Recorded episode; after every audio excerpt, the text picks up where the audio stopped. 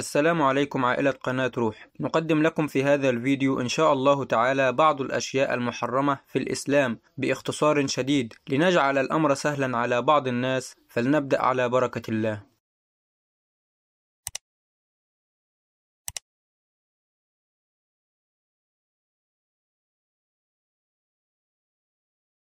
نقض العهد. نقض العهد كبيرة من كبائر الذنوب.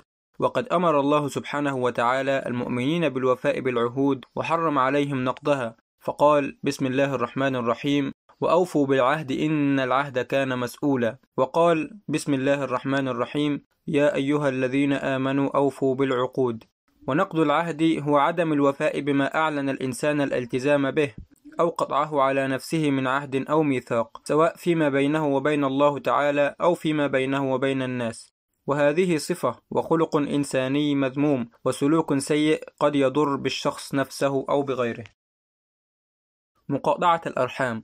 جعل الله تعالى من صفات الفاسقين الخاسرين قطع ما أمر الله به أن يوصل. ومن ذلك صلة الأرحام. قال الله تعالى بسم الله الرحمن الرحيم وما يضل به إلا الفاسقين الذين ينقضون عهد الله من بعد ميثاقه ويقطعون ما أمر الله به أن يوصل ويفسدون في الأرض. أولئك هم الخاسرون. ومن أعظم العقوبات التي تترتب على قطيعة الرحم الحرمان من دخول الجنة. فقد قال رسول الله صلى الله عليه وعلى آله وأصحابه وسلم لا يدخل الجنة قاطع رحم. وروى أبو هريرة رضي الله تعالى عنه عن رسول الله صلى الله عليه وعلى آله وأصحابه وسلم أنه قال من كان يؤمن بالله واليوم الآخر فليكرم ضيفه ومن كان يؤمن بالله واليوم الآخر فليصل رحمه ومن كان يؤمن بالله واليوم الآخر فليقل خيرا أو ليصمت. السرقة.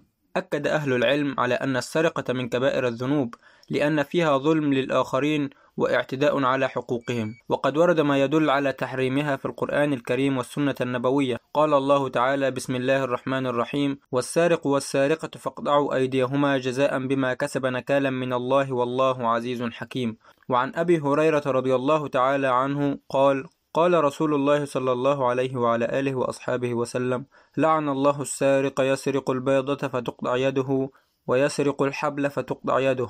فعقوبة السرقة في الإسلام هي قطع اليد وبذلك يحفظ الله أموال الناس.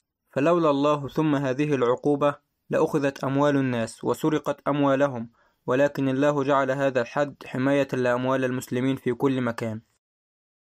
الكذب على الله ورسوله والأئمة وعامة الناس. الكذب على الله سبحانه وتعالى هو أعظم أنواع الكذب وهو من أكبر الكبائر. والكذب على الله سبحانه وتعالى يتضمن القول على الله بغير علم كوصفه بأوصاف لم يصف الله بها نفسه ولم يصفه بها رسوله صلى الله عليه وعلى آله وأصحابه وسلم.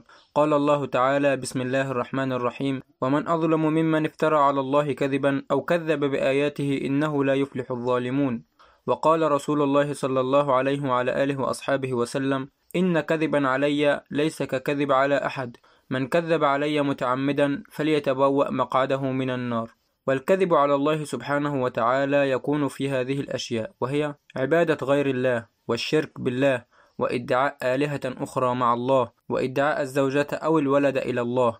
والزعم أن الملائكة إناث والكذب على الناس بإدعاء الإيمان وتحليل ما حرم الله تعالى أو تحريم ما أحل الله تعالى. فكل هذا كذبا على الله ورسوله صلى الله عليه وعلى آله وأصحابه وسلم وهذا من كبائر الذنوب. معاونة الظالم.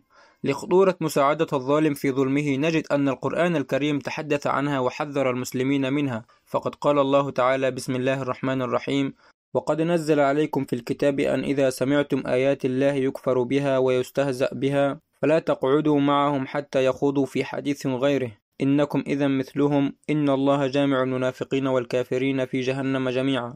وقال رسول الله صلى الله عليه وعلى آله وأصحابه وسلم من أعان ظالما ليدحض بباطله حقا فقد برئت منه ذمة الله وذمة رسوله. فالظلم ظلمات يوم القيامة كما حذرنا الرسول صلى الله عليه وعلى آله وأصحابه وسلم. فاحذر أخي المسلم أن تعين ظالم فتكون معه في جهنم والعياذ بالله. أكل الميتة. حرم الله سبحانه وتعالى أكل الميتة وهي ما مات وخرجت روحه من الحيوانات بدون ذبح شرعي. قال الله تعالى بسم الله الرحمن الرحيم. إنما حرم عليكم الميتة والدم ولحم الخنزير وما أهل به لغير الله. وقد حرم الله سبحانه وتعالى الخبائث. وفي أولها الميتة من الحيوانات التي تكون قد ماتت بسبب التردي من المرتفعات أو الوباء أو التقدم في السن أو التسمم أو الاختناق. فهذا كله قد حرمه الله سبحانه وتعالى واستثنى الله سبحانه وتعالى من تحريم الميتة ميتة الجراد وسمك البحر. وجعلهما حلالا طيبا. قال صلى الله عليه وعلى آله وأصحابه وسلم أحلت لكم ميتتان ودمان فأما الميتتان فالحوت والجراد. ولكن إذا لم يجد الإنسان غير هذه الأطعمة المحرمة وخاف على نفسه من الموت فيجوز له أن يأكلها. أكل لحم الخنزير. عد بعض الفقهاء أكل لحم الخنزير من الكبائر واستدلوا عليه بأن الله تعالى سماها فسقا. قال الله تعالى بسم الله الرحمن الرحيم. قل لا أجد فيما أوحي إلي محرما على طاعم يطعمه إلا أن يكون ميتة أو دما مسفوحا أو لحم خنزير فإنه رجس أو فسقا أهل لغير الله به.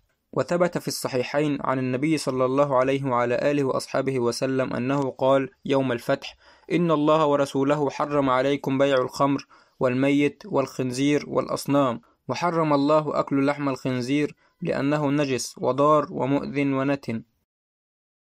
شرب الدم.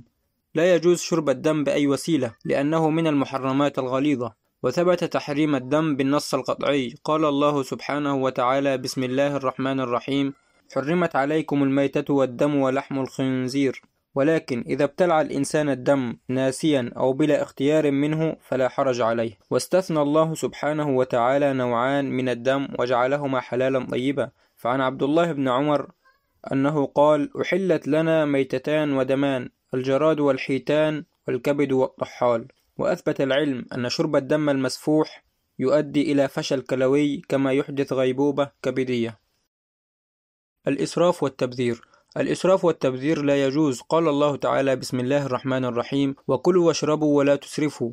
وقال الله بسم الله الرحمن الرحيم. ولا تبذر تبذيرا. فإن المبذر ساع في الإفساد كالشيطان لقول الله تعالى بسم الله الرحمن الرحيم. إن المبذرين كانوا إخوان الشياطين وكان الشيطان لربه كفورا. وعن أبي هريرة رضي الله عنه أن رسول الله صلى الله عليه وعلى آله وأصحابه وسلم قال إن الله يرضى لكم ثلاثا ويسخط لكم ثلاثا. يرضى لكم أن تعبدوه ولا تشركوا به شيئا وأن تعتصموا بحبل الله جميعا وأن تناصحوا من ولى الله أمركم. ويسخط لكم قيل وقال وإضاعة المال وكثرة السؤال. وإضاعة المال أحبتي في الله هو الإنفاق في المعاصي وهو السرف الذي نهى الله سبحانه وتعالى عنه. الوزن والمقاييس. كما تعلمون أن الميزان آلة التناصف وإحقاق الحق ومنها يظهر العدل في القسمة. وطلب الله سبحانه وتعالى من عباده إقامة الوزن بالعدل. فقال بسم الله الرحمن الرحيم وأقيموا الوزن بالقسط ولا تخسروا الميزان. ولخطورة الإنقاص في المكيال والميزان فقد انتقم الله سبحانه وتعالى من قوم شعيب لأنهم كانوا ينقصون الكيل والميزان فكانوا يأخذون السلعة زائدة الوزن ويبيعونها ناقصة الوزن فكانوا عبرة لمن بعدهم من المطففين والمحتالين. شكرا لكم على المشاهدة ونسألكم الدعاء والسلام عليكم ورحمة الله وبركاته.